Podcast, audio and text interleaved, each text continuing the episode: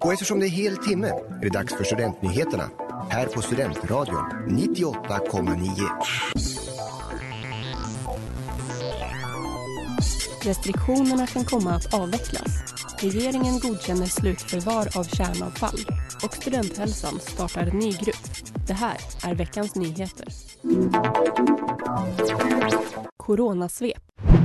Smittspridningen ligger på en fortsatt hög nivå men om läget stabiliseras kan en stor del av de nu rådande restriktionerna komma att avvecklas från den 9 februari. Det berättade regeringen och Folkhälsomyndigheten på en pressträff förra veckan. Anledningen till att man överväger mindre restriktioner trots den höga smittspridningen anges vara det faktum att omikronvarianten, som nu dominerar, ger mildare sjukdom än tidigare varianter. De flesta som tillhör någon riskgrupp har dessutom nu fått sin tredje dos vaccin vilket sammantaget innebär att trots att många smittas just nu är det en lägre andel än tidigare under pandemin som drabbas av allvarlig sjukdom. Exakt vilka restriktioner som kan komma att tas bort är i nuläget oklart. Beslutet kommer tas utifrån nivån på smittspridningen, belastningen på hälso och sjukvården samt vaccinationstakten.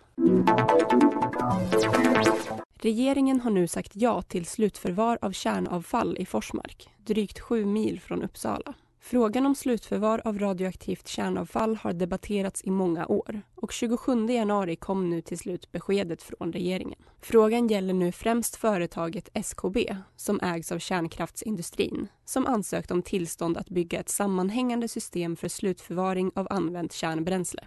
Ärendet kommer nu efter regeringens klartecken att prövas av Mark och miljödomstolen och av Strålsäkerhetsmyndigheten. Om förslaget går igenom kommer förvaret bestå av en anläggning i Oskarshamn där man försluter avfallet i kapslar och själva slutförvaret kommer sedan att ligga i Forsmark. Kapslarna kommer där att grävas ner 500 meter i berggrunden. Systemet är utformat för att hålla i 100 000 år. Av de 38 länder i världen som idag har kärnkraftverk är det hittills inga som har slutförvar av kärnavfall. Finland är det land som kommit längst i sina planer med ett system som liknar det som föreslås för Forsmark. Studenthälsan startar under våren en ny grupp för personer som varit, är eller är på väg att bli sjukskrivna från sina studier på grund av depression eller utmattning. Gruppens syfte är att få stöd av varandra i att komma tillbaka till studierna. Gruppen startar den 15 februari och tar in deltagare löpande under terminen. Du har lyssnat på nyheterna i Studentradion 98,9 med mig, Amanda Jansson.